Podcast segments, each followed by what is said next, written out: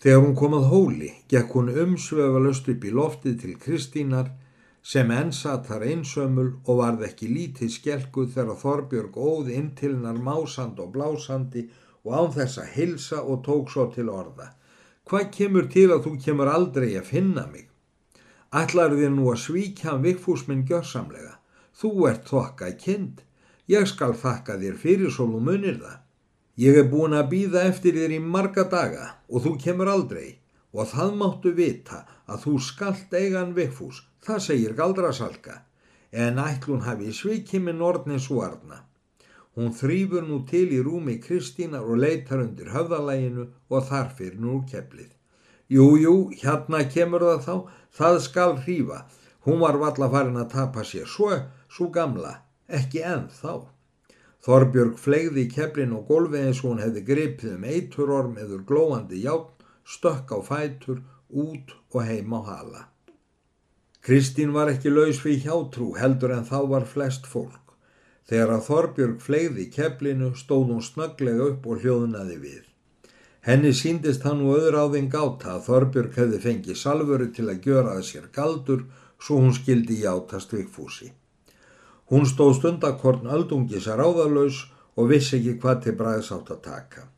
Hún vildi fyrir engan munn láta foreldra sína vita neitt um þetta og hvert var þá að flýja.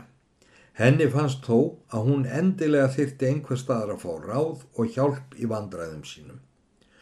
Um síðir kom henni sér að bjarni í hug, að hann væri sér velviljaður það vissum, að hann myndi þegja yfir þessu því treystun og það var ráð hennar að finna prest og sína honum galdrakeflið. Hann að hrildi við að snerta það, tók því klút sem krossmark var í saumað og vafði utanum og held sig myndi þá ekki saka. Eftir það gekk hún heima hofi og fannst henni keflið stundum sprikla í hendi sér, svo það láfi sjálft ámyndi fleia því og snúa aftur, en löngun eftir hjálp og góðum ráðum mátti þó betur. Þegar hún kom að hofi, gjörði hún bóð fyrir sér að bjarna og baðum samtali í einrúmi. Guð hjálpi mér, hvað er að sjá þig, Kristín? Hvað hefur komið fyrir? Þú ert ná föl, sagði sér að bjarni þegar þau voru orðin tvö einn. Kristín segir honu þá alla málavöxtu, frá því fyrsta um bónorsferð Þorbjargar og eftirsokn Vikfúsar og síðan um galdur Salvarar og sínir honum keflið. Er það ekki annað en þetta? Já, þá léttir mér fyrir hjartanu, saði sér að Bjarni og brosti við. Ég skal fljótlega hugreista þig og það með sömu rökum. Ég séð þú trúir því að keflinu fylgji galdrakraftur, en finnist þér þá að þér hafi snúist hugur þótt að hafi leið undir höfðalægininu í nokkra nætur eða þú gyrnist vikfús fremur en áður? Nei, þvert á móti. Þess er heldur ekki von, því keflinu fylgir ekki fremur galdur en kirkjukaleknum og Salfur kann ekki heldur galdur en ég og þú. Hún innbyrlar Þorbjörgu það, svo hún gefinni meira, en þess þykir mér öll von að Þorbjörg triði því og það betur en þótt henni hefði verið bóðið evangelium. Fyrir þessum kraftlösu og heimskulegu gjörningum máttu vera óhrætt og eru þeir menn sem við það fást ömkvunarverðir en alls ekki óttalegir. Ég hef alla tíð álítið þig, hygnari Kristín, en svo að þú festir trúnað á þess konar hegóma. Ég ræð þér nú helst til að sleppa hug af vikfúsi, þó skaltu fara eftir þínu eigin hjarta með það. Og hef ég engan myndugleg til að hlutast þar til, en hitt segi ég þér með djörfung og alvöru sleftu allir í galdratrú því hún er bæði heimskuleg og líka ókristileg. Kristín þakkaði presti mikillega fyrir góð og hughristandi ráð og gekk aftur heim jafn glöð og ókvíðin sem hún fór að heiman að hrygg og hrætt. Upp frá þessu var hún í engu jafn fastráðin og því að gefa vikfúsi þvert nei svo fljótt sem hún sæja hann aftur og yfir höfuð ásettu hún sér fastlega að giftast aldrei þar sem henni ekki hefnaðist að fá óla sem henni hefði aldrei verið jafn kær og nú í þessum miklu raunum. Í því byli að Kristín gekk frá presti kom eina ráðsmaður í stofu og kom auga á keflið sem þar lág á beknum.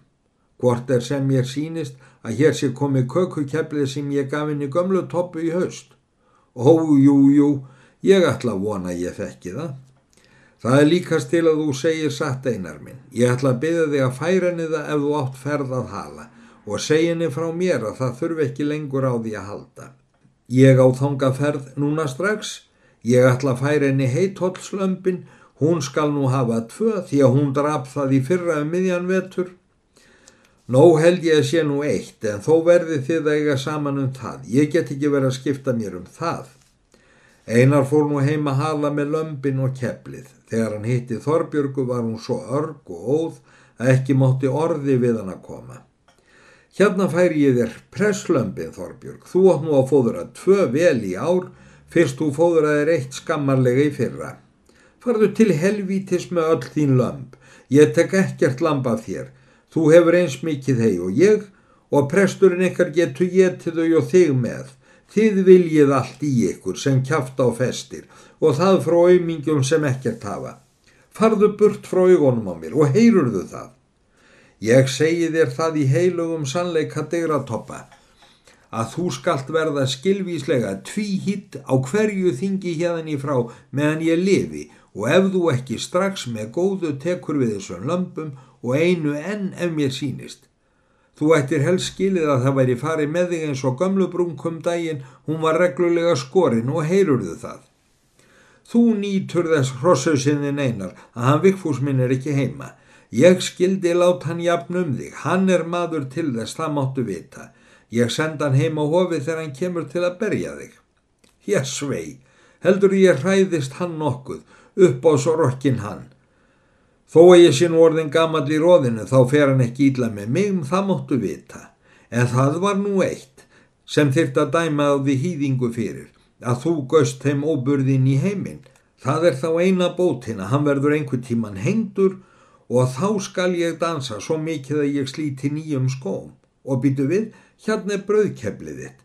Prestur saði þess þurf ekki lengur við. Brauðkeplið mitt öskraði Þorbjörg upp svo það kvein í henni eins og þá ílkveli drinur. Frá presti, hvað, hvernig, já þá batnar. En eftir það þagnað hún langan tíma og síndist einar í henni bregða. Kökukeplið frá presti. Hanna, fáðu mér, ég skal reka þá endan ofan í hann og vita hvort hún getur mig út á húsgangin næsta ár. Og meira heyrði einar ekki af rausi kellingar því hann fór sína leið. Nú líða tímar, þanga til Salfur kom norðanað og hafði henni orði fengsamt í þeirri ferð, svo að sjaldan hafði verið betur. Gráni greið var horna og enda á milli steintróðin svo ítlægt var við að bæta. Salfur var því í allra besta skapi og þrammaði þungan með byrði sína. Hún vissi að hún átti vinum að fagna á hala og helt því þangað. Það hittist enn svo á að Þorbjörg kom út um leið og Salfur gekk í hlaðið. Æjæjæj, sælvertu Þorbjörg mín, nú er ég orðin hálúin. Ertu lúin galdra og svika nornin þín? Af hverju ertu lúin? Af að ljúa, svíkja og stela? Þú útsígur hús ekna og föðurlösa, sagði Þorbjörg með svo miklum ákafa hún fekk andköf og þreyfi ofsa bræði mikjur ekku sem stóð þar hjá. Hún reytti þegar upp rekuna og hugðist gefa Salvöru eftirminnilegt högg með henni en Salvör sem allra síst átti von á þessum veitingu hjá tryggðarvinu sinni var alls ekki til varnar búin og snýrist hjá hæli undan svo höggið lent á grána. En hún Salvör vissi það sem var að þar voru í fólknir félegir blóðmörskeppir, þrekvaksnir lundabakar og margt annað sælgæti sem hver sannkristinn munnur og mægi hlaut að vilja leggja lífið í sölurnar fyrir til að forða því mistyrmingum og tjóni. Henni hafði því varla gett horði verfið þó tökkið hefði komið einhver starf þar sem hún var berskölduð fyrir og það hefði ollað henni talsverðu svöðu sári. Hún snýrist svo skjótlega sem henni var hægt á móti húsfreyju en hér stóða þessu sinni tveir ójafnir að víi. Salfur þótt hún hefði tífalt afl við hina var orðin styrð á margra ára mæðusömu göngulægi og þetta sinn ferða lúin en það gjörð henni þó vörnina erfiðasta að gráni út tróðin digur eins og nöyt, hlikkjaði sig rík bundin yfir aukslin á henni og var hún því óhæf til fangbræða. Þorbjörg aftur á móti snýrist eins og vakurt hjól á hálum ási kringum í, í ring og hjópaði hart og títt á þess að gjöra sér neina saminskaf því þótt sömur menn kannski hefðu viljað kalla það nývingsverk að vega hinni vopnlausri. Ekkert skeitti Þorbjörg því hvar höggið kom, þótt að hefði komið beint á nasir salvarar, það hefði húsfæri eftir vill þótt hvað heppilegast. Salfur sá sér því ekki ráðvætna en að hörfa undan og var það ímist að hún gekk aftur og bakk, út á hlið eður áfram og þannig barst leikur þeirra til þess að þær voru komnar út á mitt túnið. Þar snýrist Salfur enn að nýja á móti og var hún orðin svo reið að hún gæti engu orði upp komið enda var þess von því Þorbjörg hafði verið snildarlega höggvis og rifið stóra glompu á grána í fyrir svo sem hálfa alin frá augum eiganda og þarfið hafði enþá bæsta eitt krásastykkið eftir annað myndi hafa oltið út um gatið, hefði ekki allt í jafn óðum saksast sundur hvað í graut við annað og orðið þar að óskiljanlegu mauki. Þessi sorgarsjón odlið því að Salfur alveg glemdi hversu ítla hún var á sig komin til mótvarnar og hugðist hún þá að taka Þorbjörgu fangbröðum en Þorbjörg sem ekkert tækifærlétt ónotað eður óaðgætt tók eftir því að nött og þúfa var rétt fyrir aftan hæla salvarar og réði það því af að hlaupa eins og ör væri skotið í fangið á henni. Það varaðist salfur ekki, svo bæða því að hún var styrð og að hælarnir rákust í þúfuna, skallum killiflött á bak og Þorbjörg á hann ofan. Það notaði salfur sér og tók sinni hendinum hvoran handlegg Þorbjörgar og hún gaf þá hvergi hrært sig. Þær lágu svo að andlitin fjallu saman og neytti þá salfur þess sem næst var en það var að brúka tennurnar. Þó var það ekki taki meir en svo að hún náði aðeins utanum vörtuna á kjálkabarði Þorbjarkar og tók svo sundur að hún hjekk við á taug. Við það var Þorbjörgu svo ílt að hún rak upp hljóð, svo mikið að furðu þótti gegna en við öskur það og viðbrað sem hún tók þegar hún kendi sásaukans, slefti salfur tökkonum á henni og varð Þorbjörg þá laus og beð nú ekki lengur bóðana með að standa á fætur og hlaupa grenjandi heimað bænum á hala. Salfur fýsti þá líka að komast á fætur og var það lengi áður hún gætt snúið sér svo hún kæmundi sér fótonum. Hún var í lítið betra skapi heldur en Þorbjörg. Þegar henni var að nýju litið á hvernig gránigreið var útleikin og þeir sem gjörla þekktana gátu þess til þegar þessi saga fréttist að hún myndi heldur hafa kosið að koma sjálf nokkuð skeind úr bardaganum hefðun með því geta fríað grána fyrir því að vera svona sundur flakandi í sárum. Eftir það hjælt hún af stað og sæði svo frá þar sem hún kom og gisti að slíka slisa för hefði hún aldrei farið en óbænir þær sem hún bað fyrir Þorbjörgu þóttu úr öllu hófi keira. Þorbjörg var lengi lasin eftir áverkan og greri þó um síðir en lít þótti andlitsfegurð hennar hafa aukist við það að vartan fór því að örið eftir var öllu ógæðslegra og bænir hennar fyrir salvuru voru þemmun atkvæða meir en hinnar að hún var fremriða greind og málsnild. Þetta var hveðum viðregn þeirra. Æði mikið umtalsverð er frá hala sagagerð af stríðið sem að þreyttu þar þokka litlir kvenvargar. Af bísna kappi barist var báðar voru skapillar, reið þar hvor í aðra óð í ofsa fylltum jötun móð. Friður allur flúði þá fjörgin leg sem þræði á, flest upp gekk það fyrir var, fætur sukku í jóamar. Hömuðust báðar hjörs við slátt, kvorug sparði gefin mátt, sér hver vildi sigur fá sögð úr vitum fróða grá.